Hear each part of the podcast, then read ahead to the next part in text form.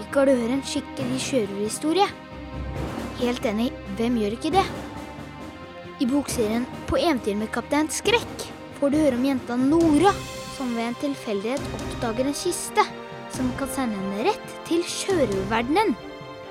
Og i denne verdenen er det akkurat slik som sjørøverhistorier skal være. Med sjørøverskuter, kanoner, sverd og skatter. Og ikke minst er sjørøveren som Nora treffer, kjent for å være den verste av sitt slag. Nei, nei, nei, ikke noe sortebil. Ikke tegneseriekrok eller sabeldamfjompen. Sjørøveren jeg snakker om, er mannen som får alle andre sjørøvere til å tisse i buksa. Jeg snakker om skrekk. Kaptein Skrekk.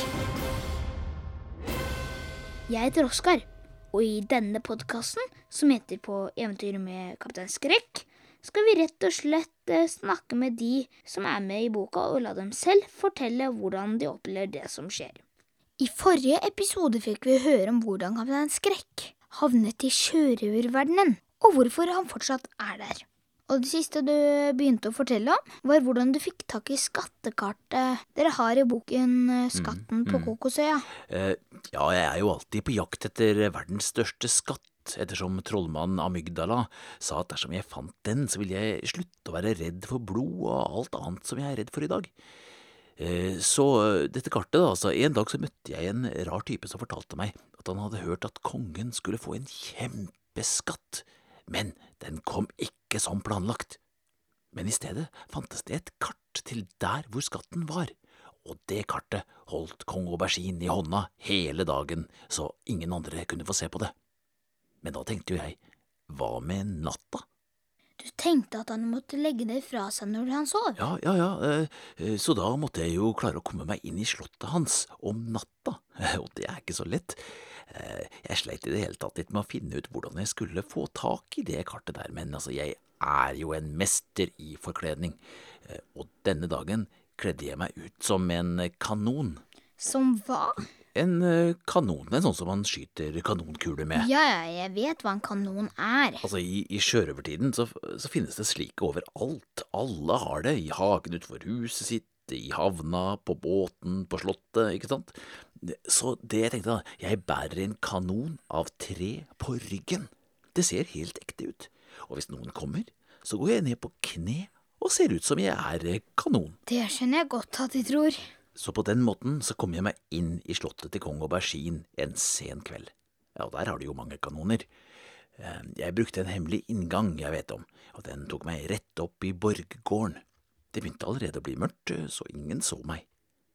Deretter løp jeg opp på balkongen til kongen og stilte meg opp på kne som en kanon og ventet på at det skulle bli helt mørkt, og at eh, kong Aubergine skulle slukke lyset og legge seg til å sove. Men det tok fryktelig lang tid. Han satt og så på det kartet hele natta før han endelig slukket lyset og la seg i senga. Og da var det allerede begynt å bli morgen og lyst. Hadde kongen fortsatt kartet i hånda når han la seg? Nei, ikke så jeg kunne se, i hvert fall. Jeg snek meg inn på værelset hans og lette overalt, høyt og lavt. Til slutt så tenkte jeg at han kanskje hadde gjemt det under senga. Jeg skulle til å krype under senga da to av soldatene hans kom inn for å vekke ham og si at det var frokost. De var selvsagt ganske forundret da de så en kanon som pekte rett mot senga til kongen. Ja, for da du lå på alle fire på vei under senga? Ja, eh, soldatene ropte høyt, og kong Aubergine våknet. Og det første han så, var jo også en kanon som pekte rett mot ham, så han skvatt himmelhøyt opp i lufta og holdt puta foran seg mens han ba om nåde. Og da så jeg kartet. Han hadde hatt det under puta. Så da tok du kartet? Ja, men kong Aubergine tok det samtidig som meg. Vi holdt i hver vår ende og dro til hver vår kant. Så vi rev kartet i to. Jeg fikk en del, og han den andre. Hva skjedde så? Altså, kong Aubergine hylte som en stukken gris. De to soldatene kom løpende til og prøvde å fange meg med dyna til kong Aubergine, men de fanget både meg og kongen under dyna, så ingen visste hvem som var hvem. Kunne de ikke vite det? Du hadde jo en kanon på ryggen. Ja, men kanonen var en løs kanon, så den falt av i kaoset. Kong Aubergine holdt fast i kanonen fordi han trodde det var meg, og soldatene holdt fast i kong Aubergine fordi de trodde at den som hadde kanonen, var meg. Så mens de tre rullet rundt på gulvet og holdt rundt hverandre, så kunne jeg løpe av gårde med den ene delen av kartet. Haha, så det ble en vill jakt gjennom byen? Ja, de oppdaget snart at de bare hadde fanget hverandre, og da begynte de å løpe etter meg. Og da er vi vel omtrent der vår første bok begynner. Du kommer inn døra på skuta di, Ragnarok, Ja. og der finner du kista, som står på sin faste plass. Men denne gangen er det en jente som heter Nora, som har gjemt seg oppi den. Ja, og, og det var jo litt av en overraskelse. Men en hyggelig overraskelse. Eh, Hadde ikke det vært for henne, så er det ikke sikkert det hadde blitt noen skattejakt. Nei, det kan du si. Spennende blir det. Ja. Men vil du som hører på podkasten, høre om jakten på skatten på Koksøya, må du nesten lese boka. Ja, det, det er sant.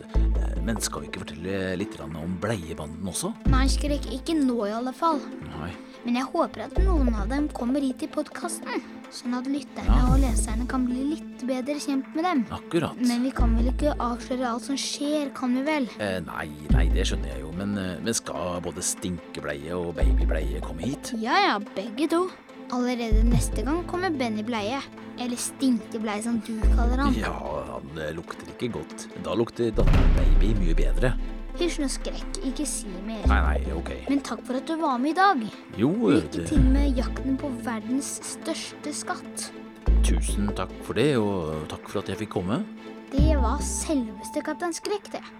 Havets skrekk. Som ikke er så tøff i virkeligheten. Det var altså bare noen har fått alle til å tro. Og en av dem som fortsatt tror at Kaptein Skrekk er verdens verste sjørøver, er en annen sjørøver som vi skal møte i neste episode. Han heter Benny Bleie. Vi høres.